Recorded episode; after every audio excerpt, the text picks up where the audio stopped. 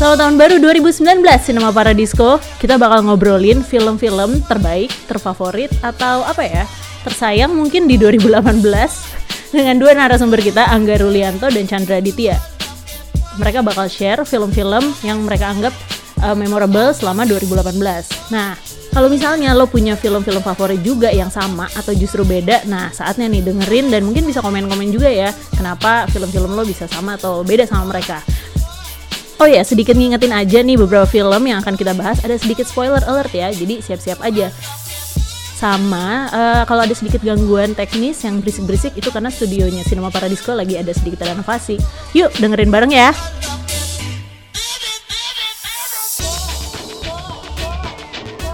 Halo semuanya, balik lagi nih Cinema Paradisco tahun 2019 Masih dalam suasana tahun baru Sama tahun baru semua Udah pada nonton apa aja tahun ini Banyak yang menarik ya nih kalau libur-libur gini Biasanya suka ada film-film yang dibikin sengaja Buat lolo yang gak ke mana-mana Yang liburannya cuma di rumah aja. Nah ini karena liburan kemarin gue juga gak ke mana-mana uh, Mengasupi dengan vitamin-vitamin film-film bagus Dan tentunya gue gak mau cuma nonton aja Karena gue akan mengajak dan menyeret dua temen gue untuk ngobrolin film-film yang buat mereka dan uh, sebagian juga buat gue. Mungkin juga jadi catatan buat teman-teman yang punya film paling berkesan, film favorit atau bahkan film terbaik selama 2018. Kita bahas bareng sama dua tamu kita. Hari ini ada tamu. Cie, tamu nih.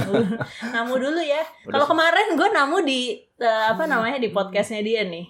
Uh, podcast tetangga. Hai Angga. Halo. Apa kabar? Baik, Kita baik. ketemunya di Cinema Paradisco waktu Kaleidoskop 2017 ya, Bo? 17, Nah, 2017. Iya, iya. Dan kita ngomongin film-film itu kayaknya banyak banget ya, Bo. Gue gak tahu berapa film yang kita bahas waktu itu sampai... sa- 10 ada kayaknya. tapi sampai satu setengah jam tuh kayak durasi satu film sendiri gitu. Nah kita akan bahas nih kalau dari Angga film yang buat dia berkesan atau terbaik ya selama 2018 kemarin. Dan Hmm. ini kalau ini tidak asing Tidak, lagi. tidak asing Tidak asing lagi semoga dan- mungkin udah ada yang kangen nih yang dari Cinema Paradisco. Hai Chandra, Assalamualaikum pemirsa. pemirsa. Aku juga bilang assalamualaikum. Ayo, salam jangan lupa ya sekedar mengingatkan. Gimana Chan kemarin lu nonton berapa film 2018? Gue nonton, gue nggak ngerti, gue kayaknya lo ini gak sih letterboxan nggak? Apa? Gue belum ngecek. Itu lo nge-track semua film Iya. yang lo tonton. Hmm. Kira-kira 300 ada nggak? Ada. mungkin. Ada? Iya. Dan Total. itu total. Dari Indonesia dan luar. I, enggak, gue enggak. Tapi mungkin sama, sama Indonesia mungkin. Oke. Tapi karena gue nggak masukin film Indonesia di letterbox gue. Dan film Karena Indonesia gue banyak kalau di letterbox gue internasional, cuy. Oke gitu. baik, semacam karir ya, internasional. Gue internasional. Nih kalau gue perhatiin, Chandra tuh banyak banget kalau nonton film luar juga. Karena kalau film Indonesia kita udah bahas ya sama Nasta juga. Kalau yang belum dengar coba cek-cek tuh ya episode Cinema Paradisco yang sebelumnya. Chandra udah nonton film apa aja film Indonesia cek di episode sebelumnya. Cuman yang film luar nih Chan. Jadi gue akan nanya sama kalian berdua soal film-film paling eh, terbaik lah ya gitu. Terbaik tuh sebenarnya bisa macam-macam gitu. Apalagi ini mau masuk Oscar mungkin Ya. yang prediksi-prediksinya harus ditonton. Yang sebenarnya gue nggak peduli karena gue nggak dapat hadiah kalau mereka dapat Oscar. Eh, tapi lo tau gak sih dulu tuh kalau lo nebak film terbaik suka dapat hadiah kalau nonton bareng. Siapa yang ngasih? Itu. Event-event Ev- yang ada event dilakukan. nonton Oh. bareng itu lumayan loh. Gue gak tau tapi dapat Yang apa jelas ya. bukan bapak lu Yang dari Sukabumi ketika lu nebak kayak Roman yang menang Oscar pak Gitu lo dapat beras enggak juga Kayaknya mereka juga gak peduli dapat biskuit Roma. Sumpah ya Roma sapose gitu mungkin jawabannya Iya. Biskuit Biskuit bener. Bener. Itu eh, apa namanya ya film luar tuh gue ngeliat list yang lo tonton bukan list terbaik tapi gue tertarik banget buat nonton semua. Dan 2018 kemarin semua orang bikin list film gue 2018 nah kita Oh, bakal bahas itu nih ya. Cuman eh, biasanya Chandra kan ngomongin film Indonesia nih. Kali ini gue mau nanya film-film yang buat lo berkesan terbaik dari film asing gitu. Dan buat teman-teman mungkin film asing film Hollywood atau film apa? Film mana aja? Yang penting bukan film Indonesia. Timbuktu gitu. Timbuk Wah. Zimbabwe gitu juga. Iya gitu. Coba Chan, kita mulai yuk. Ehm, gue udah sempat lihat video lo di YouTube yang ada 40 bo filmnya. Banyak banget sih. Cuman sekarang kita bahas mungkin dari 10 terbaik yang lo udah share sama gue, kita mungkin akan bahas sekitar 5 sampai 6 film nih ya.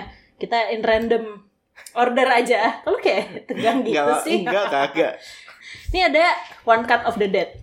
Ya. Oh iya, oke. Ini kayak salah satu film yang banyak banget ditonton sama orang. Mungkin juga kemarin diputar di apa namanya pekan sinema Jepang ya, Di dan JAV juga, juga, di ya. JAV di bioskop CGV juga, komersial Gitu. Cinemax. Mungkin gimana nih lo uh, dengan list ini boleh? One Cut of the Dead tuh menurut gue harusnya digunakan sama Lukman Sardi ketika dia marah-marah waktu itu ya.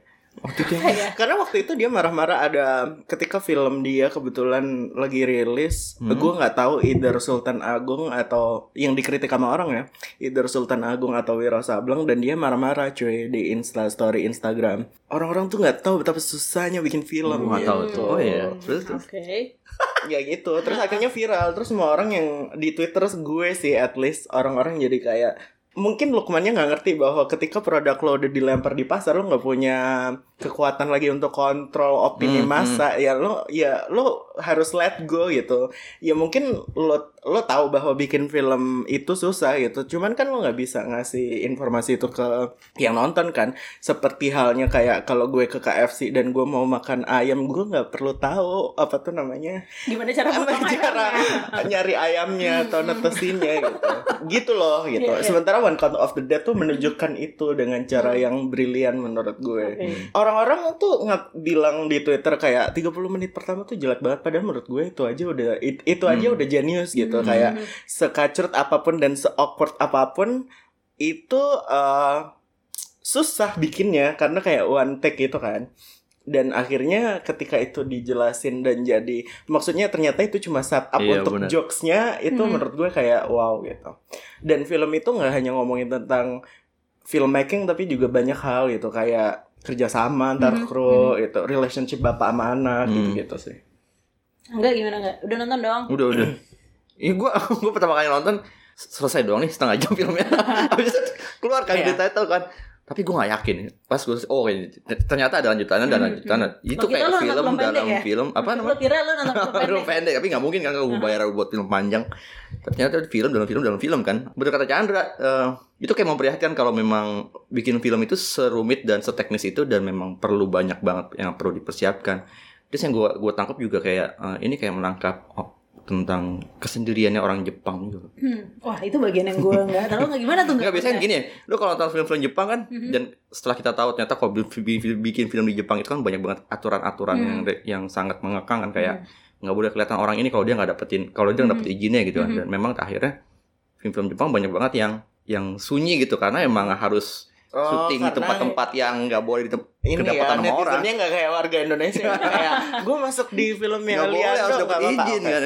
Nah itu film-film kayak gitu kayak semakin menangkap kesunyiannya karena memang di Hmm. settingnya pun di tengah-tengah hutan juga, Ya, tengah-tengah ya, hutan ya. terus di situ paling nggak itu kelihatan banget memang terpencil kan. Mhm, mhm. Film-film kayak gitu yang menarik dan uh, zombinya sih memang agak-agak wagu gitu ya, cuman itu lucu dan tetap tetap menurut gue jadi kayak eh, kayak apa ya kayak membuat lo jadi mikir juga, oke, eh, buat bikin film zombie itu ternyata nggak se sebenarnya nggak bikin film zombie doang sih nggak Apa? bikin film Nggak maksud gue dengan general zombie kayak gitu. lu, lu bayangin kalau ada yang itu kan seakan-akan ada, ada kepala kepotong Hmm, kan. iya, Terus iya. Hmm. tiba-tiba kita bisa ngeliat kepalanya kepotong lewat gitu. Ternyata kan ada orang di belakangnya yang Iya, iya, jogrogin iya, gitu. Ya secara teknis sih itu menarik Hmm, banget sih film hmm. itu. gue sebagai orang yang nggak pernah syuting dibandingin maksudnya orang yang tahu oh iya nih orang kalau syuting tuh tahu ya gimana proses itu buat gue itu satu hal yang menarik ketika bener tadi enggak gue tuh apa ngebayangin yang si pas kepalanya apa namanya Tangan, kepala. tangan kepala itu kan memastikan apalagi pas kameranya harus pas banget di situ kalau enggak lo akan kelihatan pas Hmm. itu kelempar atau pas Iya. darahnya lagi disiapin gitu itu menarik buat gue yang uh, warga awam gitu ya nggak pernah tahu syuting tuh kayak gimana apalagi film horor atau film zombie gitu. Mungkin kalau lo di sini nonton apa ikut syutingnya drama ya hal-hal kayak gitu lo nggak ada adrenalin rush Iya, gitu iya. kan. Gue sejujurnya pas pulang uh, gue nggak merasa itu kayak sesuatu yang gue bawa pulang gue inget-inget aftertaste-nya tuh Ah, lama gitu. hmm. tapi memang sepanjang film gue ini banget sih kayak engage banget gitu kan. Dan gue pas nonton ini udah tahu ini film tentang film Hmm. film gitu jadi gue yang kayak oke cuman gue pengen tahu di mana berhentinya kan nah itu sama tuh gue kayak enggak pas eh, adegan 30 menit pertama sebelah gue kayak "Oh, udah nih oh gitu doang katanya filmnya lucu gitu jadi kayak itu banyak banget orang yang kayaknya agak zong kan pas ternyata filmnya tentang bikin film lucu horor tapi lu depannya di, Hmm. dijebak dulu Hmm. gitu sih dan itu menurut gue brilian sih ketika dan itu menurut gue itu super brilian Mhm. cuy karena Iya, iya. nggak banyak ini dia menurut gue yang mungkin bisa jadi semacam cermin-cermin Cermin. untuk eh, Refleksi. untuk nggak film komedi Indonesia adalah kita tuh nggak bisa bikin setup komedi yang se sekompleks dan se-fun itu gitu. Hmm, hmm. Maksudnya kayak One Cut of the Dead menurut gue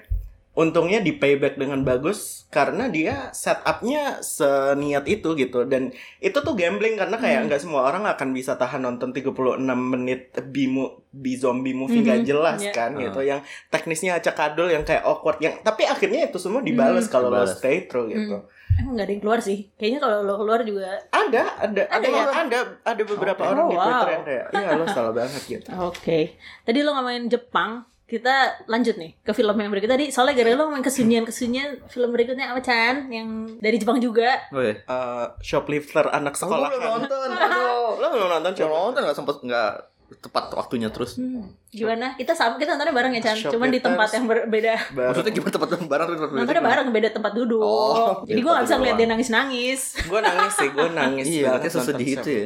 tapi itu yang lo expect dari filmnya Hmm. Korea nggak sih ya tapi ya udah lah maksudnya ini ini dibikin sama orang yang udah pernah bikin film sejenisnya gitu maksudnya ini tuh udah di perfected gitu Hmm. method dalam bikin filmnya jadi ya gitu deh seperti film Korea lo dipeluk abis itu kayak dibuang ke Oh, wow. jurang Mungkin ceritanya karena kayak dikit deh. sedih banget Ceritanya, ceritanya sebenarnya Angga tentang belum pernah belum nonton kesian kan Keluarga dia. yang anomali itu gimana sih? Enggak enggak ceritanya tentang keluarga yang sangat miskin Di Jepang? Eh, di? Jepang Hmm. di Jepang miskin banget terus eh, suatu malam mereka ngelihat ada anak kecil perempuan di abandon gitu Hmm. orang tuanya nggak ada cuman dia main kayak di kalau di sini tuh mungkin di halaman depan rumah gitu di gang di gang, Di gang, rumah lo iya. gitu. Hmm. ya terus mereka kasihan si bapaknya kayak ya udah dibawa aja Hmm. gitu sementara orang tuanya juga nggak Hmm, nyari hmm. jadi kayak ethical questionnya adalah ini nyulik nggak sih kalau lo Oke. ngambil Ngambil anak anak orang ya. yang emang nggak yang kayak nggak diurus sama orang tuanya gitu dan akhirnya lo sepanjang film Koreda mempertanyakan arti keluarga tuh kayak apa sih sebenarnya Dan keluarga itu memang mengutil. Iya mengutil ya dari- ya emang shoplift kan Shoplifter. miskin kak Emang tapi kerjaan dia memang mengutil semua Iya. anggota keluarga itu. iya Jadi yang diceritain pertama dia di apa, kayak di Swalayan. swalayan, dia udah ada apa namanya tekniknya Mm. untuk ngambil barang-barang itu dan dia harus berdua ya. Mm. Itu ada inilah yang gerakan tangannya Mm. berapa itu kayak berapa detik. Terus lo abis itu baru ngambil dan itu semua tuh kayak right on time aja Mm. kalau lo ada di satu supermarket yang sepi bahkan ada teknik yang kalau dia di kayak cuman warung kecil di Mm. dekat rumahnya gitu. Oh, nggak cuma di supermarket. Nggak cuma di supermarket dan itu menurut gue kalau gue berasanya gini jadi kalau masuk ke rumahnya kan rumah again ya rumah Jepang tuh kecil sempit Hmm. dan itu dia sekeluarga kalau lu nggak nyadar Ada ini siapa nenek, gitu kan ada nenek ada suami ada istri ada adiknya si istri Ah, ah.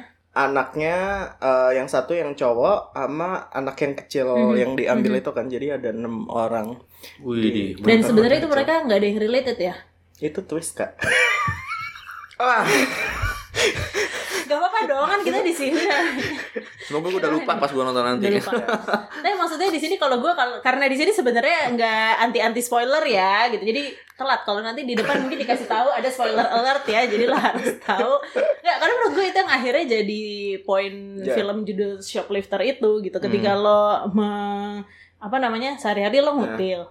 Tapi satu hari lo mengambil satu yang bukan milik lo, which is adalah keluarga lain, tapi lo benar-benar nge apa Iya, ini namanya keluarga nggak- lebih ah, dari- gitu loh. Gitu ya. Eh, keluarga yang kayak apa tuh namanya biologically related gitu dan ketika si apa namanya kalau lihat isi rumahnya mereka makan apa pun itu plus dia juga sebenarnya nggak mis bukan nggak miskin gue atau si konsepnya karena kalau di sini miskin tuh benar-benar nggak punya uang Iya sama di sekali iya, ya, untuk ukuran gitu. Jepang Iya, miskin iya, lah iya, itu iya. Cuma maksudnya dia kayak dia Orang- memakai uang ada itu. satu poin di mana eh, ada satu insiden yang menyebabkan si bapak nggak bisa kerja lagi kan dan itu beneran mereka semua akhirnya bikin kayak hmm gimana ini untuk nerusin Mhm. makan apa segala macam gitu kerja sebagai pengut, maksudnya kerja Hmm. sebagai ini pencuri gitu. Tidak itu bisa nggak kerja lagi. kerja itu cuman untuk kayak nambah nambahin Survival. aja sih Oh, survival oke. aja karena ba- Udah, si hmm. bapaknya juga kerja Oh Nah, gitu. ibunya kerja nggak sih ibunya nggak kayaknya ngurusin anak ya Hmm. si adeknya adeknya yang perempuan tuh kerja bekerja dengan- Jadi semua orang di film ini tuh punya akhirnya lo ngelihat mereka masing-masing gitu. Si nenek tuh gimana, si adeknya ya gitu deh. Sedih filmnya. Jadi Karena gue kira like father like son gue udah mulai gue udah cry kayak Hmm. tai kan. Gue nonton shoplifter Iya, terus kayak ya kayak empat Jadi ya gue kali sayangnya gitu. nggak ada di sebelah Chandra untuk melihat Chandra. gue sama Nasta nangis cuy gue di samping gue Nasta terus kita berdua eh, ngerti kan kayak hmm ya udah deh gitu Kira-kira lo bisa nonton di mana nih nggak? Tahu, Ya, kita nunggu di panggil bioskop distributor aja. distributor lain untuk memutar film ini. Oke, tadi udah ada dua film Jepang nih ya. Nih nextnya nih eh, satu film yang gue belum nonton nih Chan. Kalau dari list lo contekannya ada apa nih nextnya film? Adalah Burning kak Waduh. Eh, Licang dong itu. Licang dong Iya, oke. kenapa gue memutuskan itu sebagai film favorit gue tahun lalu gue kan nih nulis berdetik kan dari Hmm. tahun 2011 jadi gue nonton film terus dari dari dulu juga iya cuman sekarang gara-gara kerjaan juga makin makin Dipaksa. makin nonton kan Oke nonton ya bener. dari nah nonton Burning tuh adalah film yang gue nggak bisa nebak apa yang akan terjadi berikutnya jadi kayak in a way gue fun sih jadi kayak gue nggak perlu mikir gue nonton aja Boleh cerita dikit nggak filmnya apa sih? Tentang apa? ceritanya ada nih mas Mhm. gue lupa ya soalnya namanya karakternya orang Korea Susah diingat ya, Pak. Iya iya iya iya. iya. Coba mungkin gue bisa google Eh, yang main tuh si masnya lo nonton veteran gak sih film Korea judulnya Oh iya, gue nonton. Iya. Veteran.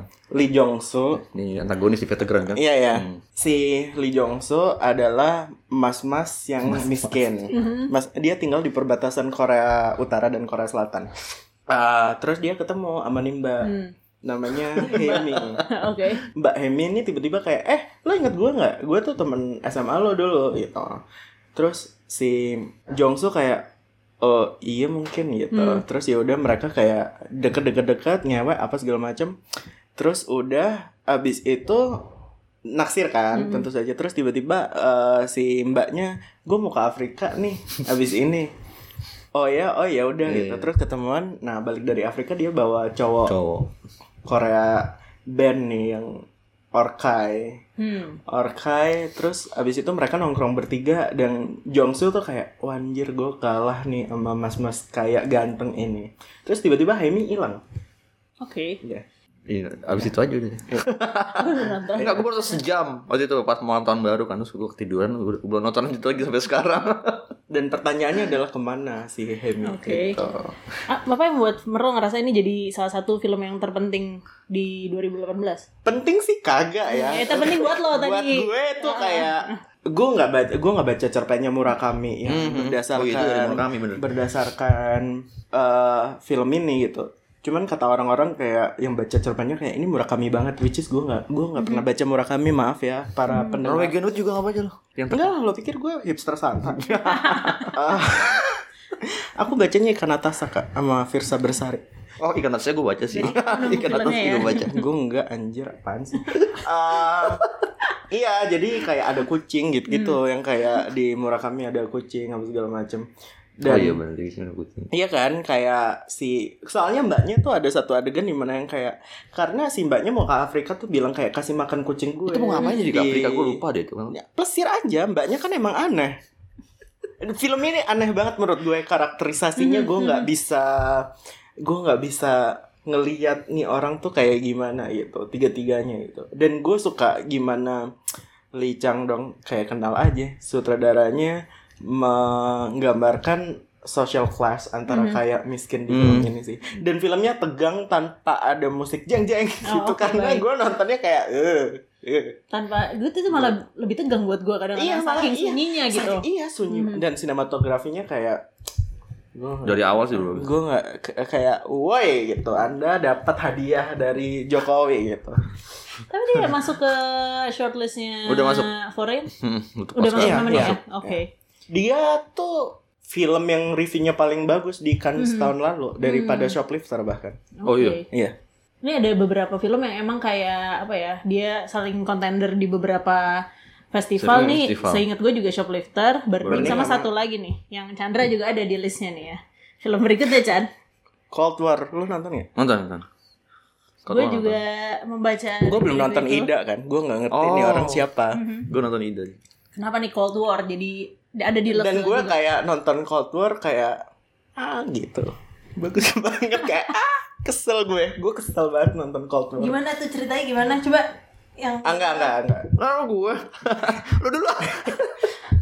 kan ngasih Kan tahu sinopsis doang tentang satu eh, tentang ada Masnya namanya disebut siapa? pemusik itu gue lupa dah. Eh, coba Namanya browsing. susah kan?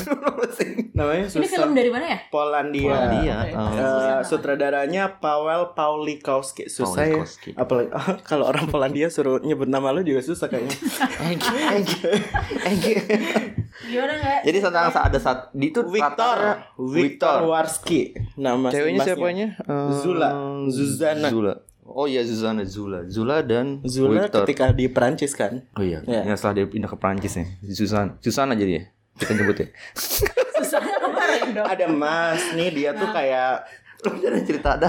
musician gitu loh kayak Erwin Gutawa lah Iya, pencari bakat juga lah. Iya. gitu. Oh, Oke. di tahun 49 nih Pasca ceritanya di Polandia terus dia bikin audisi nyari penyanyi Eh, terus di tengah-tengah nyari audisi ada Mbak Zuzana eh kok cakep nih gitu. bagus suaranya. bagus suaranya Oke. terus si Mbak yang ada di sampingnya Victor tuh kayak kenapa sih lo suka dia? Terus si Masnya kayak ada sesuatu dengan dia gitu.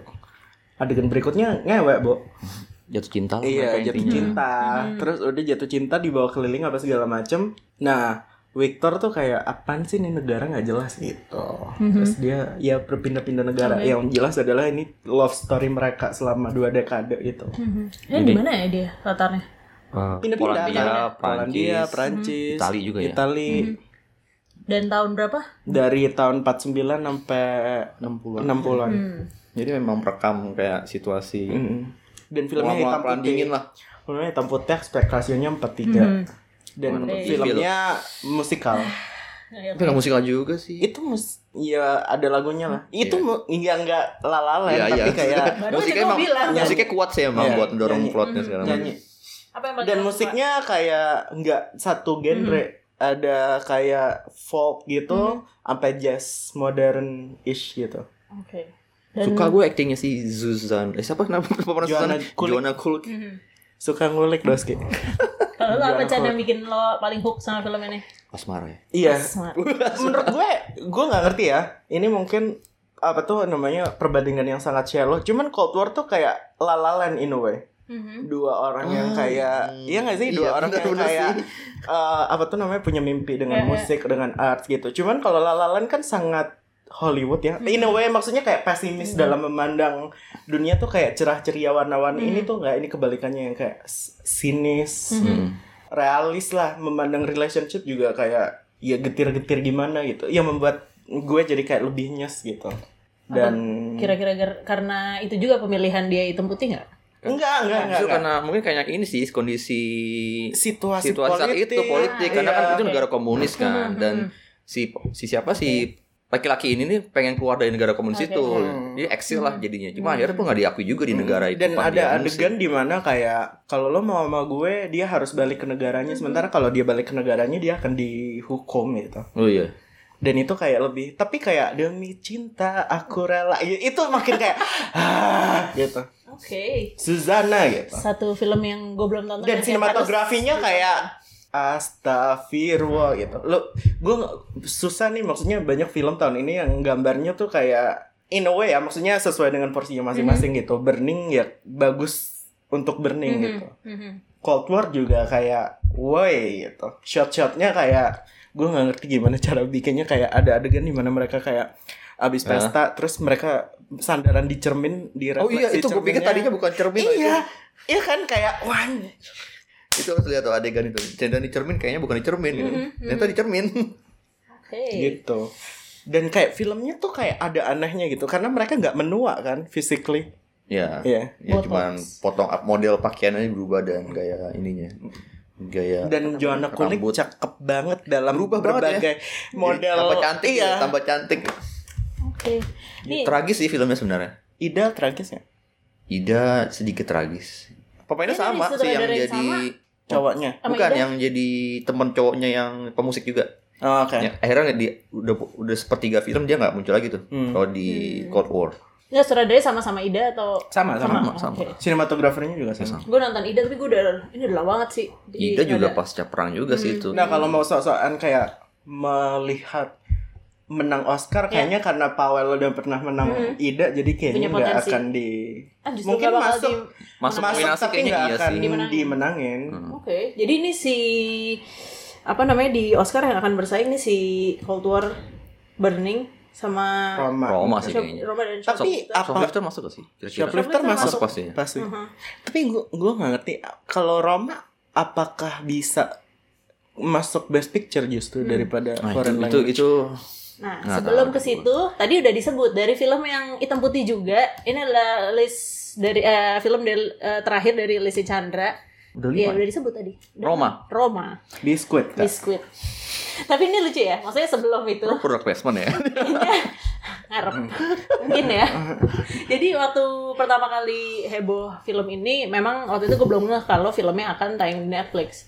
Jadi waktu itu cuma tahu aja, oke lah, ntar cari cara untuk menonton film ini gitu. Namun Eh ternyata Padahal lu nggak ada Netflix. Kan ya? Terus si Netflix menggoda. Ketika seminggu sebelum tayang dia bikin kayak kan pas lo masuk tuh lo ada milih akun iya, lo iya. kan? Itu udah dibikin gitu. Bannernya ya, Uh, background. background gitu kan. Ini gue bilang anjay ya emang udah udah sangat apa namanya ti, udah teasing banget gitu. Dan Netflix kan selalu seperti itu. Cuman yang lucu adalah respon. Ketika abis gue nonton lalu gue bikin komen-komen di sosmed temen gue itu bagus ya soalnya gue ngeliat filmnya ngeliat judulnya doang dengan poster seperti itu dan ada di Netflix it's just like any other Netflix apa Netflix Film original, original. gitu. Itu menurut gue reaksi yang menarik dari warganet ya gitu. Cuman kalau dari Chandra nih gue eh, Angga juga nonton kan? Nggak, dan nggak, kita nggak. juga udah sempat ngebahas film ini di podcast 11 nggak apa-apa nah kalau misalnya nih si film Roma ini Gimana? emang jadi salah satu film yang paling dibahas atau disebut deh gitu sama banyak banget Roma. entah sinetfil atau eh, para filmmaker yang menyebut Atau film kayak ini poster yang pengen disebut pinter padahal enggak.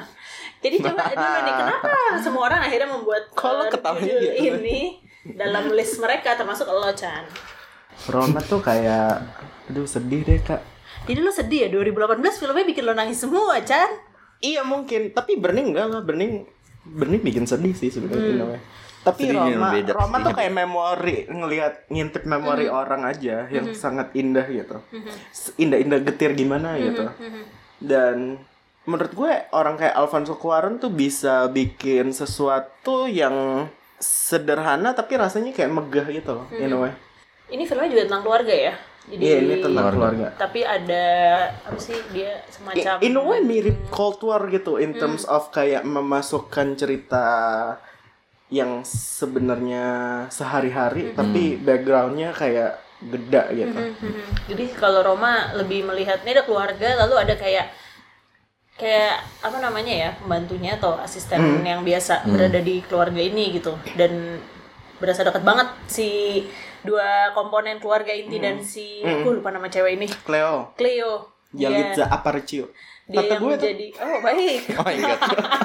kan mirip kan gue sama Yalitza. Aparicio. dan dia jadi kayak udah kayak keluarga sih dan menurut gue ini dekat juga mungkin sama kita sebagai Dia sistem supportnya si Marina, Marina, Maria. Iya, Marina. Marina. Si juragannya. Iya Marina. juragan Juragan. Ah, lupa. juragan Marina. Jadi kalau misalnya yang belum nonton nih kalau tadi gue bilang ya ini sesuatu yang dekat banget sama lu mungkin di Indonesia yang punya support system bukan cuma dari keluarga inti ya ini sih menurut gue indahnya lo kayak Sofia cuy, Marina nama jauh aslinya. banget sih lo Sofia sama Sofia, Marina Marina, Marina nama, aslinya. nama pemainnya, karakternya, nama pemainnya.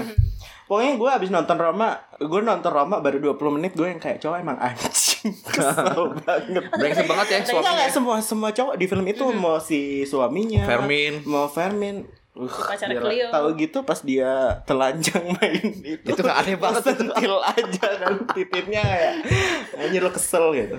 Sengak sengak gitu ya. Sumpah. Angga mendapat after aftertaste yang sama dengan Ih sama. Gua basah juga sih mata gue. Oh, oh, mata. Oh, Masa kira gue ngompol. Masa gue yang lain-lain basah. Kirain ujung Ketek gue basah gitu.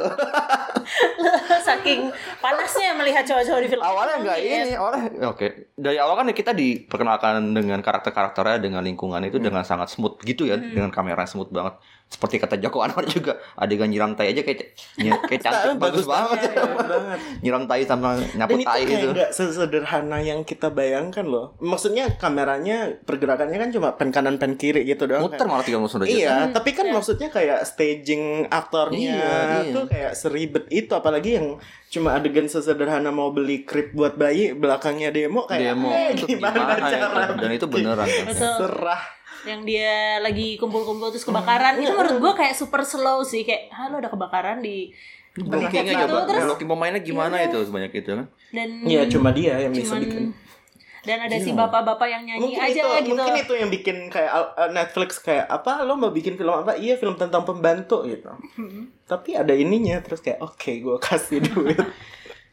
Smooth banget Smooth pas, banget. pas sampai akhir kita bisa lihat adegan terakhir di pantai itu oh ternyata memang kena gitu. Caranya seperti itu kenapa? Ya kena banget emosinya. Iya eh tapi pas adegan dia kayak ngelihat jendela pas dari pantai yang pas di mobil gue tuh kayak sedih gitu. Oh, pas Kayak- pulang ya? iya pas Ah, pulang kayak gue tau sih lo sayang banget sama nih orang-orang tapi kan at the end of the day itu bukan siapa-siapa siapa. itu mengingatkan ya zaman zaman dulu kan gitu gue dari kecil gak ada pembantu cuman ada keluarga sepupu gue yang dari kecil punya pembantu gitu dan itu pembantu deket banget dari dia nga- dari dia ngasuh anak ke- dari kecil dia sampai gede gitu ya kayak gitu kan nah, apa yang terjadi di Roma ini keluarga kelas menengah di kota Meksiko ini ada tetap ada kait tetap terasa akhirnya ada kaitannya dengan orang-orang kelas menengah juga di Jakarta yang mungkin dulu ada pembantu-pembantunya Iya. yang dari kecil. Sekarang udah jarang tuh kayak gitu kan. Iya, Eh, iya. kita Temen bisa lihat masih ada. pembantu. Ada. masih ada bisa dapat pembantu yang Iya. Kayak udah gitu. 20 tahun dan gue punya nomor WhatsApp si pembantunya. susah loh sekarang. gue nggak ada, telepon aja bibi gue. dan itu udah kayak keluarga ya Oh, bukan keluarga. kayak pembantu eh, lagi cuy, pembantunya ini sorry ya iklan tapi ini kocak banget. Pembantunya rambutnya kena kutu dibawa ke RH sama keluarganya. Anjir, RH. Gue juga pernah. Eh, gue bersihin kita ombe gue gak bisa. ya sama kayak ini dia dibeliin apa namanya eh, Iya, makanya. tempat buat bayinya Iya, sama iya, neneknya neneknya. kan gitu kayak, Kayak- ad- macam mana yang lo ketika hamil si Cleo ini dia Dan malah bukan yang kayak kalau film Indonesia yang iya gitu kan, kan. kayak Kalau ini malah- dasar pembantu tidak tahu diuntung ini malah yang Kayak kayak FTV. Iya. FTV. dan itu ketakutannya justru dari Cleo yang Iya, kayak eh, Cleo. saya nggak akan dipecat kan gitu dia malah takut ketika dia hamil emang Dan gue malah nonton Roma gue belajar kayak bahwa ternyata ada suku natif Mexican American gitu yang gue nggak tahu sebelumnya karena gue taunya cuma orang Meksiko ya orang Meksiko aja nggak ada, ada campuran native juga. ya ternyata ada native Mexican American. Lu bisa dong bahasa Spanish gitu. Ketika gue ngomong sama. Iya Litza gue udah lupa masalahnya. itu mungkin pembelajaran berikutnya ya Iya. dari film nanti eh, Karena dia, Meksiko dia dia berikutnya. udah belajar bahasa Inggris masalahnya gue gitu. Nah itu tadi film-film eh, ya sebagian doang ya Cas, sebagian kecil banget dari list film lo yang banyak itu. Nanti kalau penasaran sama film-film pilihan Chandra yang 40 itu ada di YouTube channel lo apa? Cari aja eh, nama gue Chandra Aditya. Nggak pakai H karena gue bukan Cina. Jadi nanti lihat aja di situ ada ada 40 Nggak ya Chan. Gue dari semua itu gue rasa gue baru nonton 10 kali. Jadi masih Wow. banyak kayaknya ya, gue nggak ngitung cuman kayaknya lumayan buat jadi PR 2019. Nah, sekarang nih kita beralih ke Angga dengan film-film terbaik eh, favorit apa tersayang nggak? Terus sayang gimana gitu rasanya? Ya, lo ada yang abis, sayang kecuali abis, ada abis nonton jadi sayang. Hmm, sayang sama siapa? Eh, Sama yang bikin dong. Nggak ada sih. Nggak ada. Apa aja nih nggak dari list lo Coba mungkin? dari yang gue ingat-ingat dari awal-awal muncul ya dari awal tahun. Kayaknya Love for Sale gue masukkan kan dalam dalam daftar Eh, film sinema yang gue salah satu yang gue suka Love for Sale. Walaupun gue pas nonton gue mikir banget anjir nih penggambaran perempuan karakter perempuannya problematik banget kan. Ini pasti penonton-penonton kalangan Oh, perempuan kamu yang woke sekali ya anaknya. Wah, semua. kayak gue gue pas nonton ini kebayang ada beberapa teman gue yang memang sangat concern dengan isu-isu feminisme gitu gue mikir ini kayaknya nggak bakalan suka nih sama film ini udah tuh dan dia ternyata nonton pas langsung gue nonton dia nonton dan dia komen ke komennya ke gue gitu kan Siapa kamu? Salah Angga. Iya. Bener juga yuk.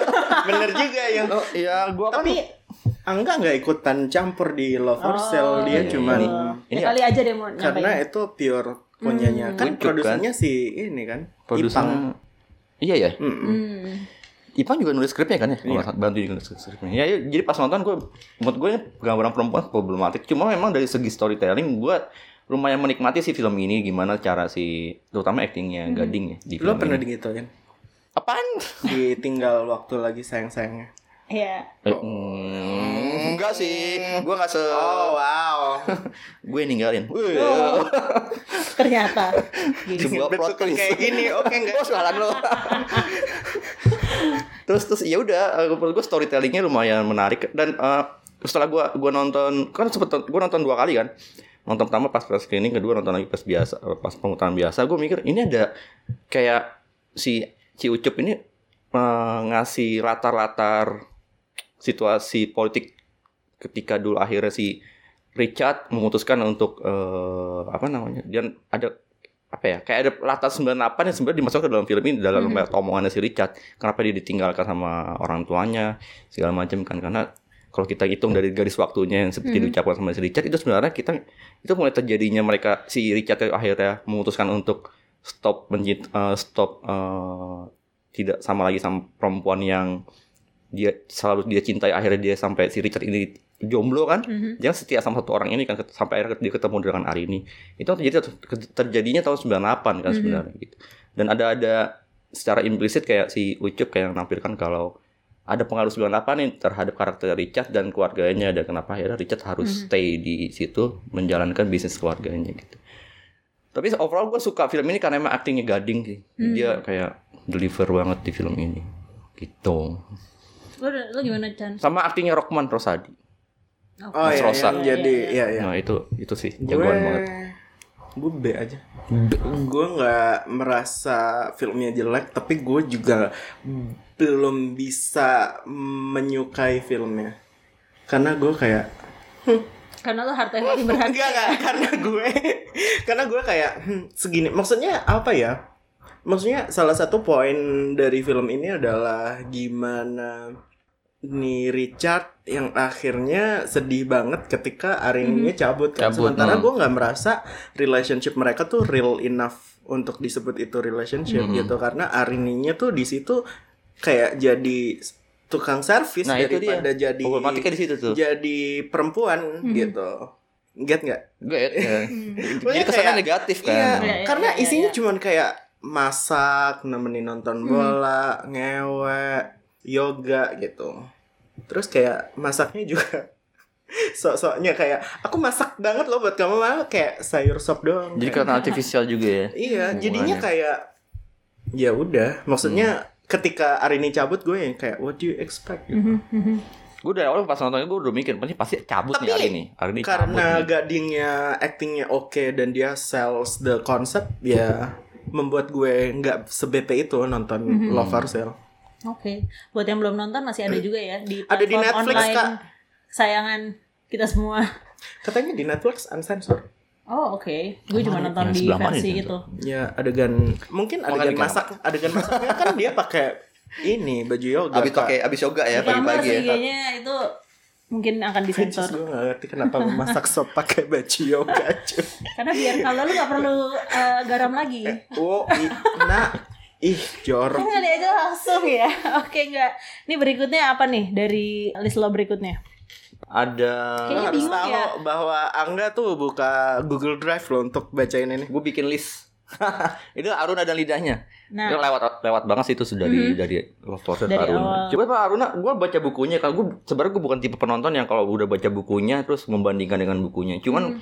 pas baca bukunya gue merasa komplain kan novel maksudnya. Eh, ini bukunya kok nggak buat gue sih nggak. Gue nggak suka dengan bukunya karena menurut gue tidak kelihatan banget nih apa sih mau di ngomongin dalam bukunya itu mau ngomongin makanan kah mau Iya, ngomongin iya. hubungan si film eh, hubungan si karakter-karakternya atau ngomongin tentang politik juga dan korupsi segala macem jadi gue penasaran gimana Edwin di Timothy Mena dan, ya, dan tim Aruna eh, tim Palari mengemas film ini jadi eh mengemas, cerita dari Aruna dan Lidahnya jadi jadi film yang utuh gitu kan Mhm. dari cerita yang solid pas gue nonton berhasil sih menurut gue dengan dia bisa menggab bisa benar-benar eh, ngubah apa yang nggak ada dalam bukunya gitu. Eh, di film ini menurut gue eh, kok gue ingetnya Garin ya? Edwin berhasil mengeramu. Salah film pak. dialog dialog yang sehari-hari terus ngomongin tentang makanan juga ngomong- dan yang paling menarik gimana dia gabunginnya dengan eh, pekerjaan si Aruna dan si Paris itu tentang eh, LSM dan hubungan ada dengan ternyata ada kasus-kasus politis dan korupsi juga. Itu hal yang jarang kita lihat kan dalam film Indonesia dengan tema seperti ini dan genrenya drama komedi. Ini bisa disebut drama komedi kan? Drama drama komedi. Kayak Romcom sebenarnya. romcom ya. Cuman ada ada ada isu-isu yang dimasukkan dan itu lumayan enak masukinnya. Nggak nggak berlebihan juga dan itu cukup menggerakkan em, karakternya gitu dan cerita juga. Menggerakkan nafsu makan lo nggak? Itu sih enggak ya. Oh, Eh nggak lapar. lapar lapar cuman dalam pada akhirnya ketika udah kebanyakan nih, Aha. ah, udahlah. Jadi Jadinya nggak tahu mau nafsu makan yang mana ya. awalnya sih lapar tuh. Hmm. Bahkan si bahkan si apa nih si si Aruna bikin apa tuh awal-awal? Oh di ah, si Nasi. Niko Niko yang bikin roti apa tuh? Oh, Roti eh, pakai cheese segala itu. macam gitu. Itu enak banget kayaknya. Gue suka roti kan soalnya. Jadi itu paling gue suka. Bule ya lo, sukanya roti, suka nasi. Padahal mukanya nggak Oh, ya? Nah, kalau bisa lu, lu, deskripsikan gimana wajah gue. Seperti lo harus tahu mukanya Angga kayak lo nonton Coipan, Roma, lo para pendengar podcast ini lo harus nonton Roma. gue yang mana tuh di Roma? Lo Fermin. jadi Fermin. Anjrit. Bayangkan aja yang yang Femin di kamar, yang di kamar ya, yang sedang main kendo. Formation, formation, oke. Kalau Chandra kayaknya lapar waktu itu abis nonton Aruna. Lapar sih tuh. Aruna gue suka karena kayak eh, di zaman di mana banyak produser Indonesia bikin film either film horor atau film remaja-remajaan ada orang yang berani bikin film drama relationship dan untuk orang gede gitu untuk orang umur 30-an dan itu kan menurut gue hampir nggak ada gitu dan Hmm, masalahnya masalah bener. orang gede gitu Iya orang gede. cara sebenarnya ada sih kayak Critical Eleven menurut gue Hmm. juga drama orang gede. Tapi menurut gue Critical Eleven handling masalahnya masih kayak bocah gitu. Dibandingkan dengan Aruna. Tetap ya walaupun ngomongnya favorit tetap julitin film orang lain. Tapi maksudnya kayak Aruna tuh handling masalahnya tuh kayak orang gede. Kayak ketika lo naksir sama orang dan orang itu nggak merespon feeling lo Mhm. cara lo handlingnya gimana gitu. Dan lo tetap harus kerja sama dia kayak gitu gitu atau kayak pertemanannya orang-orang di atas umur 30-an tuh Ya, kayak ya. gimana gitu Gimana nak? kayak ADC 2 gitu ADC 2 kan ceritanya juga umurannya juga sama Udah ya main juga 30-an. sama pula cuman beda gitu kayak kalau Aruna tuh kayak kalau mau pergi sama teman lo ya udah langsung aja kayak kalau lo mau niat ya udah kita buka Mhm. traveloka sekarang kita pergi gitu. Kali ADC kan sebut? kayak masih ngerti kan kayak Iya iya. kita ke Iya. Jogja yuk Kayak itu Bikin- kayak pertemanan kita sebenarnya 30-an itu enggak. lo geng enggak pakai bahasa nih? basi ya. Ah, Gengnya lo- cinta enggak? lo mahura banget ya pasti kalau bikin cinta enggak bilang enggak. Iya iya iya. Dan Gitu. ini kayaknya Aruna lumayan banyak menuai walaupun gue nggak peduli ya gue nggak peduli masalah politik politik Hmm. dan Hmm. kayak apa tuh namanya si si Faris ternyata ada hohong hihe Hmm. sama bosnya Mbak Pria Mbak ya gue nggak peduli Gua tapi peduli pria. justru. gitu. Kalau yang pengen denger juga nih ya sedikit eh, promo-promo kilas balik Hmm. kalau gimana perbandingan tentang film dan buku di podcast sebelah juga ada loh boleh cek-cek nanti ya sama main mata kan gitu mungkin ada yang pengen tahu gimana nih masih ada lagi nggak tadi lu udah nyebut-nyebut satu film itu tapi kayaknya nggak ada di ini mau dimasukin list nggak? Ini aja deh petualangan mencari menangkap petir. Aha. Tahun 2018 itu ada Hmm. kalau nggak salah ada tiga film yang melibatkan banyak pemain anak-anak kan kayak Kokyo Cilik, keluar ke pantai dan petualangan menangkap petir. Gue nonton petualangan menangkap petir tuh telat banget. Mhm. Jadi udah udah akhir-akhir dia udah itu sebentar banget tayang di bioskop kan. Sempet di bioskop sih. lo nonton di bioskop Cuma itu itu kan sebentar sama banget. gue kan. n- nonton di Sleepy cuy demi Sleep demi CGV.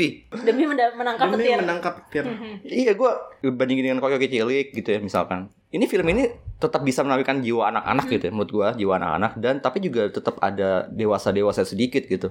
Dibandingin misalnya kita nonton Oke, Oke, Cilik, gitu. gue nggak nonton kalau Kokyo Cilik itu sangat anak-anak banget. Mhm. Jadi emang kalau buat anak-anak pasti suka tuh film itu Iya. nonton. Cuman buat nonton dewasa atau keluarga ya udah kita kayak menemani kita anak non kit- anak kita nonton film anak-anak aja. anak nah, kita anak lo kali Anak- sih belum punya anak coba tahu pendengar kita udah punya anak. oh wow oh wow oke boleh ya semua segmen ya oke Ya anak gue. ya jadi gitu. Nah pas gue nonton penangkap petualangan menangkap petir, itu kan sama anak gue juga kan. Umurnya udah 8 tahun anak gue. Terus dia lumayan suka dan sayang dia nggak nonton kokyo kecil. Cuman eh, yang gue tangkap adalah kalau gue sebagai penonton, gue sebagai penonton tanpa embel-embel ayah gitu ya. Gue ngeliat film ini emang itu, jadi dia bisa gabungin antara ah, gimana tuh anak-anak bereaksi dan gimana orang tua juga bereaksi terhadap anaknya gitu dengan cara yang nggak terlalu anak-anak juga atau childish tapi juga cara juga de- dewasa. Dan yang paling menarik adalah ketika anak-anak di film ini punya impian tentang dunia sinema gitu. Cintaan, kecintaan mereka terhadap sinema mungkin karena pengaruh ini juga kali ya. Karena lu kakek gua di Sukabumi itu ini op- eh, proyektor proyeksionis di bioskop. Wow. oh gitu. Bioskop udah mati nih sekarang udah tutup malah udah nggak ada lagi. Dan tapi dia juga punya usaha bioskop keliling apa namanya eh kayak tancepan jadi waktu gua kecil tuh gue sering banget tuh eh, da- sering dibawa datang ke bioskop masuk ke ruangan bioskop eh ruangan lu operatornya kayak Abimana nggak? oh enggak sih Oke. tapi katanya katanya dulu ganteng sih waktu muda Lanjut lanjut. Biar gua ada gambaran nih ke Nana terutama yang kayak keabimanaan.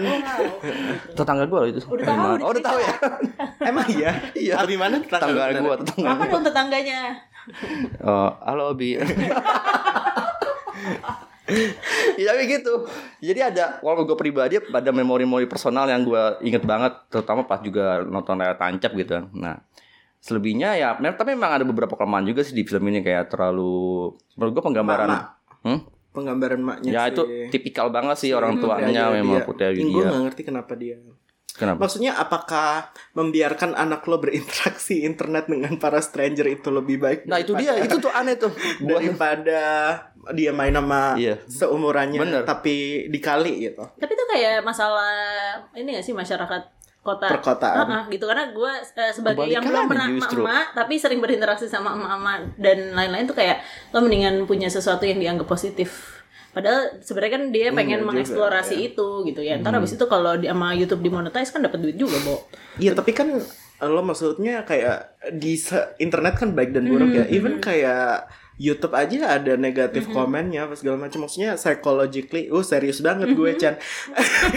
Eh, komen-komen yang kayak buruk kayak apa lo gendut? apa segala macam. Anak kecil, iya kan? maksudnya anak kecil jadi kayak makanya makanya sebenarnya habis itu diarahkan supaya dia eh, apa namanya bikin film atau interaksi dengan sinemanya luar gitu kan ya itu pun ditolak eh di nggak didukung sama Hmm. ibunya kan itu sebenarnya penggambar karakter ibunya tidak dikasih motivasi yang jelas kenapa Iya iya iya iya. dia harus Gue gue gak kenapa harus ada itu gitu. Ah. Cuman kayak reasonnya aja yang kayak Mm-hmm. apa sih kok konda. Malah si bapaknya juga siapa? Darius. Anteng-anteng baik. Mm-mm. karena dia beda ini kan beda kota kan terus gue suka sih karakter si Gianto. Si, si anaknya. Gianto love banget sih gue. iya iya iya.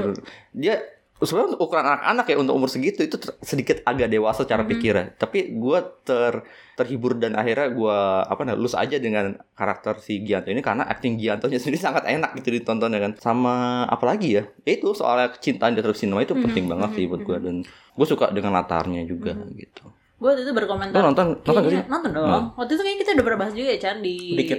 podcast Sebenarnya sebelumnya lo sama Nasta lebih bahas tentang oh iya tentang. Oke. Tentang Abimananya. Eh, Mas Abi ada ada fansnya di sini Tapi ini sebenarnya salah satu yang kayaknya gue kalau mungkin karena tahu siapa orang-orang yang bikin film ini, jadi kayak kenapa Hmm. si poin bikin film? Kenapa sih gini? Ibaratnya lo dikasih anak kecil disuruh bikin kegiatan di luar rumah, Hmm. anda bikin film itu kan sebenarnya sangat anak zaman sekarang banget, apalagi dengan teknologi gitu. Hmm. anak Kan Jakarta anak kota ya anak kota itu kan gitu. Dan sebenarnya yang gue juga waktu itu sempat bahas, gue senang banget sebenarnya sama output hasil film mereka yang gue penasaran gitu kalau misalnya ini ditontonin ke anak-anak, ini jadi satu konten lain yang eh menarik loh. Terlepas dari film ini adalah memang film yang suitable buat anak-anak ya. Hmm. Kayak gitu. Itu kita pernah bahas juga ya, Chan. apa ya? Gue juga suka petualangan menalangkah petir menurut gue mengingat sa reasonnya mi, hampir mirip kayak One Cut of the Dead gitu yang mengingatkan gue kenapa gue suka filmmaking at the first place. Lo gue gianto banget. Giant ya? Oh, bukan Giant. Giant gue Oke. gianto banget. Nah, next nggak? sebelum sebelum iblis menjemput. Waduh, dari film Timo. nih? Langsung ke film yang lo gua- suka sebelum iblis menjemput? Teknis sih. No judging but ya ya teknis sih. Tapi menurut gua yang selalu ada di pikiran gue top of mind gue adalah gimana Kari, Karina Swandi di film itu jadi si orang yang terasukin arwah jahat gitu kan. Anjir serem banget sih. Menurut gue make upnya Makanya gue akan ngomongin teknis semua sih di film. Gue akan gua akan coba apa namanya gue gua sangat highlight dengan sisi teknis film ini gitu dari artistiknya segala macam. Terus memang sinematografinya mungkin Chandra bisa bisa nambahin juga nanti gimana menurut dia. Lu nonton kan? Udah pasti nonton. kan? Sinematografinya menurut gua oke banget sih di film ini gimana dia bisa menangkap eh, situasi yang di hutan gitu, tapi lu kelihatan memang gelap, kelihatan memang nggak apa ya, nggak nggak tahu itu situasinya akan seperti apa. Cuman horornya kerasa banget dengan ada kemunculan-kemunculan si eh, Karina Swandi siapa sih namanya di situ? mak Emak. kan dia ibu Oh, abahnya mana? abahnya kan meninggal si siapa yang main Belum meninggal waktu itu. udah lagi sakit, lagi sakit, meninggal lagi sekarang sakit. di rumah sakit. Udah ya? Udah, ih. Oh iya deh, iya udah meninggal. Ya udah Tanya pokoknya film favorit.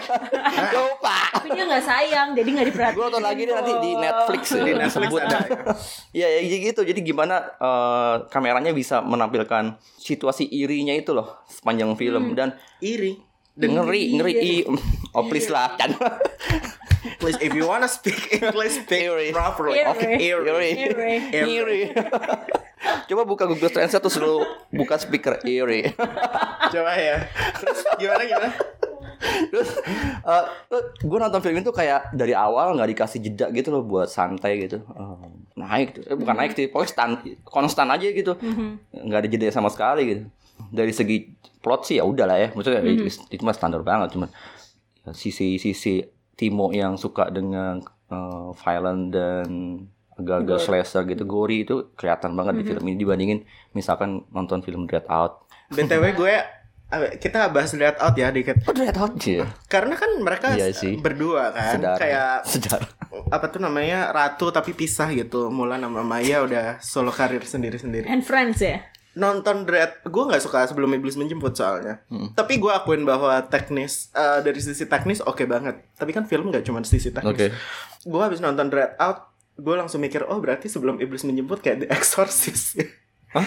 Bandinginnya jadinya Oh, sebelum iblis menjemput yang Iya iya iya. iya. ngerti nggak yang Iya, iya, sepanjang iya, gue iya, nonton iya. kayak gitu ketika nonton Red Out jadi kayak oh sebelum iblis menjemput bagus banget ya berarti Oh, dan itu not even your favorite. Siapa enggak Karena akhirnya jadi oke bagus. itu. karena maksudnya kayak ini kebetulan yang eerie. Eerie, ya. ini Eerie. kebetulan yang eerie Nggak jadi lu ini. kebetulan yang Eerie, Nggak.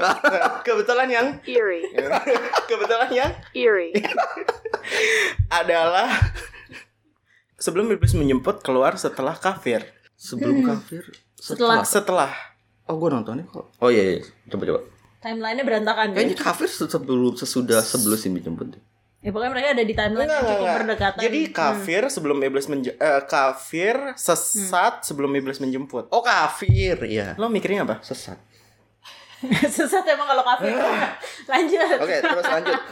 Kesel gue. Apa tadi? Itu karena eerie, Gimana filmnya? eerie, Anyway, third act-nya kafir sama sebelum iblis menjemput kan plek ketiplek sama kan. Tiplek, iya. Cuman yang satu voodoo, yang satu santet. Eh, dan di situ kelihatan bagaimana teknis kamera memban bisa membantu atau menghancurkan hal yang mau lo tunjukkan gitu. Kayak film horor kan ya tujuannya adalah pengen menakut-nakutin audiens kan. Hmm. Dan at- memberikan ketegangan lah gitu, suspense.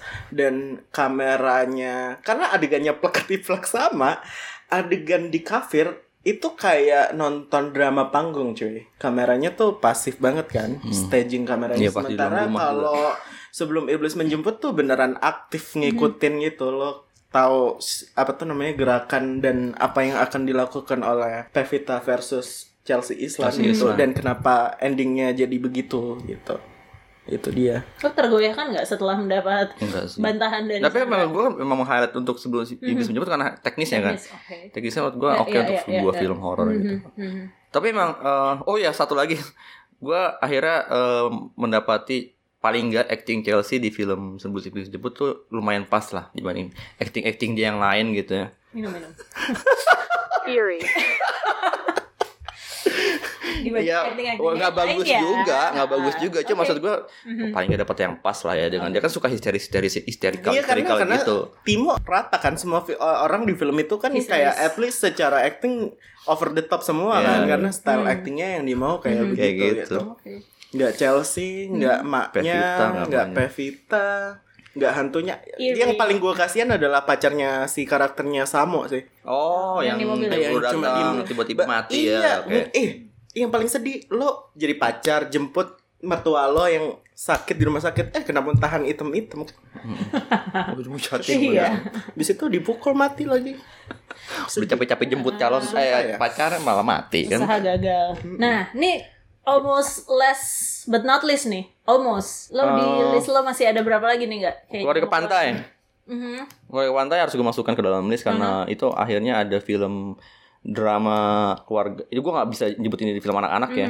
Ini bisa disebut film drama keluarga yang pas aja gitu. Semua takarannya dari untuk eh, dramanya ada, komedinya ada. Ini anak-anaknya juga sebenarnya kan nggak anak-anak banget ya. Ini anak-anaknya udah menjelang usia remaja, Teenager. teenage, menjelang teenager. Jadi memang masalah Kayak aku dong. Hmm, imut sekali kamu ya. ya Gue masih remaja loh enggak? iya sih. Iya. Ya palingnya di bawah gue lah ya. Iya.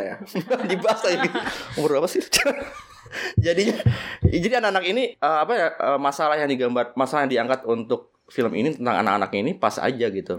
Walaupun gue agak terganggu sih dengan eh, isu tentang gimana penggambaran soal penggunaan media sosial dalam film ini. Yang menurut gue kadang-kadang beberapa adegan terlihat agak artifisial gitu ya untuk untuk si karakter siapa Eh, si sepupunya si Yang ini always English itu. yang bahasa Inggris gitu ya karena menurut gue over amat sih sedikit-sedikit kadang-kadang over gitu nggak seperti seharus nggak seperti yang gue sering lihat gitu Karena lo bukan orang kaya Jakarta Selatan. Eh, gua yang selatan. Anaknya sekolah di Al Azhar atau di high anak school. gue sekolah di Cinere sih Anak- ya, makanya anak lo nggak English everyday.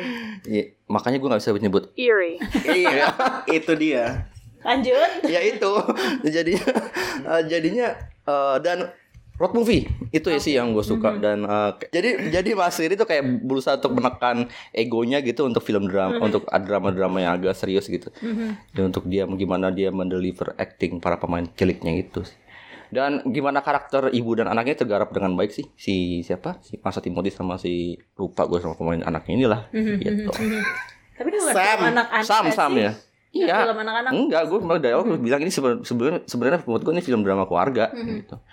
Gitu. Dia rata ya dari tadi eh, Angga ini memposisikan film-film yang buat dia favorit atau terbaik ada yang horor, ada drama keluarga, Film anak-anak. film Tapi ada anak-anak. action gue. Film dewasa. Mungkin memang tidak ada yang bagus nggak, nggak usah dipaksa. Oke. The Night Comes for Us lu nggak demen?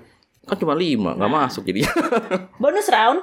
Karena tadi eh, kayaknya dari list ini Angga sudah mensortir jadi lima ya enggak? Kalau ada satu film yang boleh tambahin dari yang bonus round. Gua Karena lebih- ini sebenarnya secara teknis ya. Tadi kita sempat bahas juga nih sebelum rekaman ini. Apakah film-film yang dibahas supaya teman-teman di luar sana bisa relate ada film yang memang ada di bioskop atau sebenarnya di mana di mana aja bisa tayangnya. jadi kemarin pas akhir tahun dari Nov- eh, kita datang ke Jav dan nonton Kita. Oh ya udah, saya gue gue ya. Dan bisa nonton 27 Steps of May filmnya Raffi Barwani. Film ketiga ya. Dia kan jarang banget bikin film ya. dengan- Setelah Impian Kemarau terus eh, Eh, Jermal. Jamal. Itu pun Jermal bikin bertiga kan nggak sendirian dong. Dan akhirnya dia bikin film baru lagi feature eh, 27 Steps of May yang diperankan oleh Rai Hanun dan Lukman Sardi tentang eh, siapa Mei yang pernah mengalami trauma mengalami kekerasan seksual perkosaan gitu kan. dan dia trauma sampai akhirnya dia menjelang sampai akhirnya dia dewasa dan gimana dia nggak mau keluar dari rumah eh, selama seumur itu eh, selama dari kejadian sampai akhirnya dewasa itu. Dan gimana ayahnya si Lukman Sardi ini berusaha untuk berusaha untuk me- apa ya dia juga masih bersalah karena tidak bisa menjaga anaknya dengan baik sampai akhirnya anaknya eh, trauma seperti itu. Dan dia dia melampiaskan juga dengan melakukan melakukan aksi kekerasan dalam arti dia jadi petinju gitu. Ini film ini menarik banget sih menurut gua karena kayak bisa menggabungkan antara hal-hal yang traumatik tapi juga di tengah-tengah ada hal-hal yang eh, magis gitu dengan ada kemunculan si pesulap gitu kan. Terus Aryo Bayu ya. Aryo Bayu kok Aryo Bayu agak gemuk ya di situ ya. Terus juga Lu ngomentarin Aryo Bayu lu ngaca cuy. ya kan gue bukan aktor jadi gue nggak punya kewajiban Iya nggak buat apa-apa gue ngatain Dian Sastro everyday dan bentukan gue kayak gini. iya jadi dan ada hal yang nggak tahu gue liat film ini kok uh, ada hal-hal indah juga gitu kayak dia gimana dia ngerangkai boneka oh ya si Mai ini akhirnya dia pekerjaan setiap harinya dia dia sama bapaknya bikin boneka ya.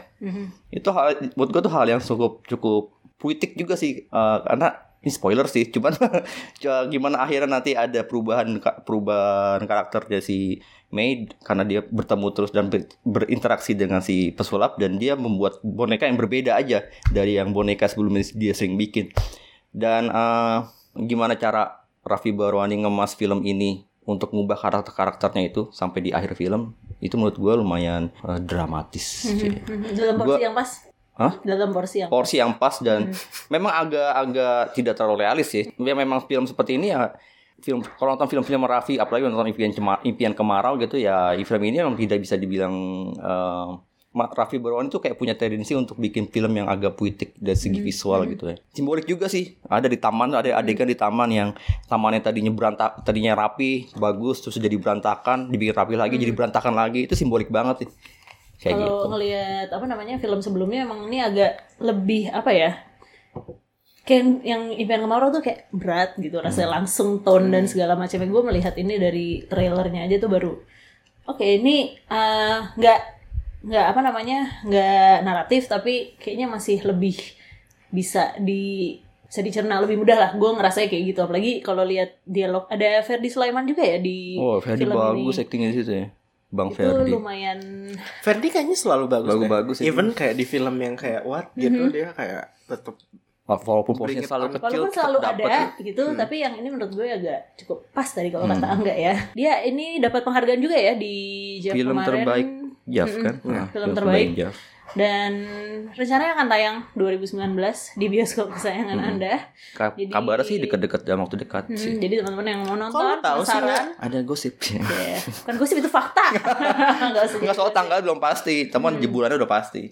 Mei, oh enggak ya.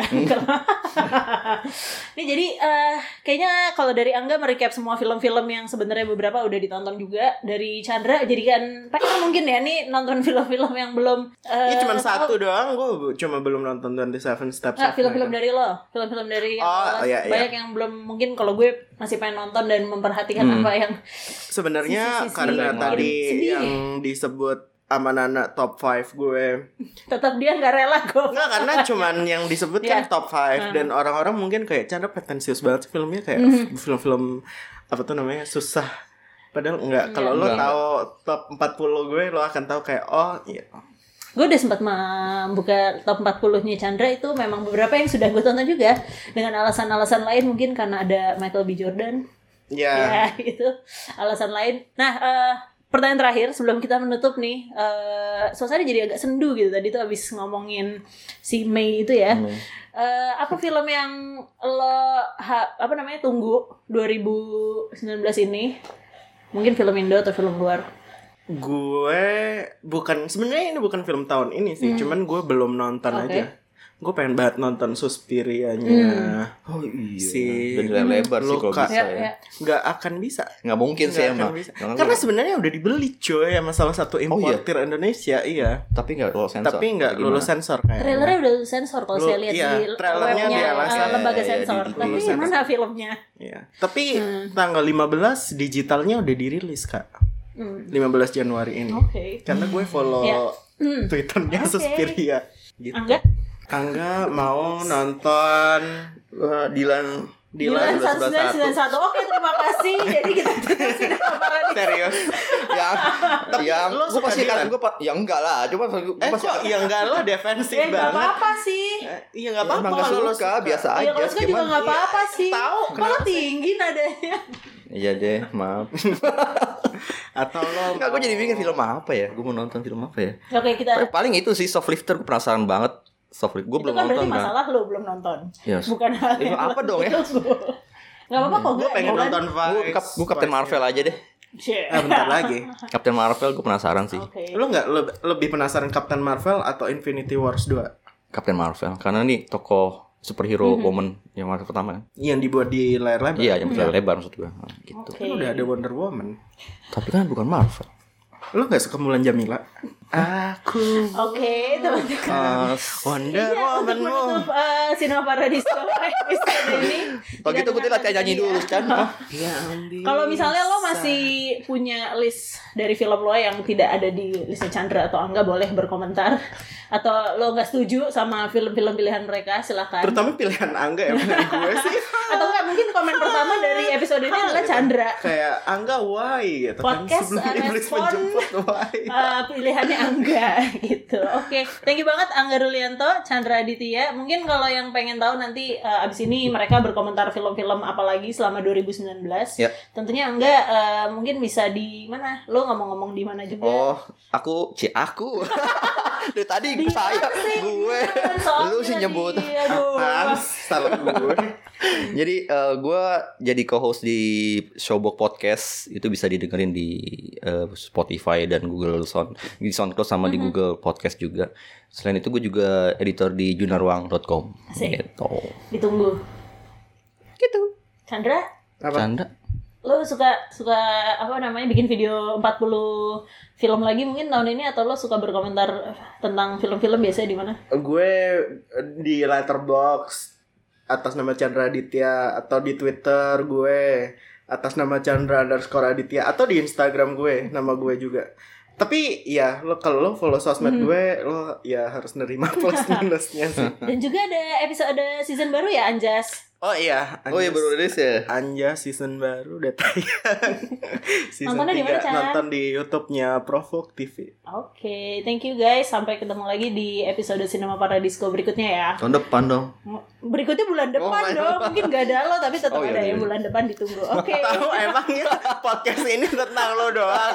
Gila self center banget lo. Ngomong Imri aja gak bisa. Coba lagi. Dadah. Dah. Terima kasih ya yang udah dengerin.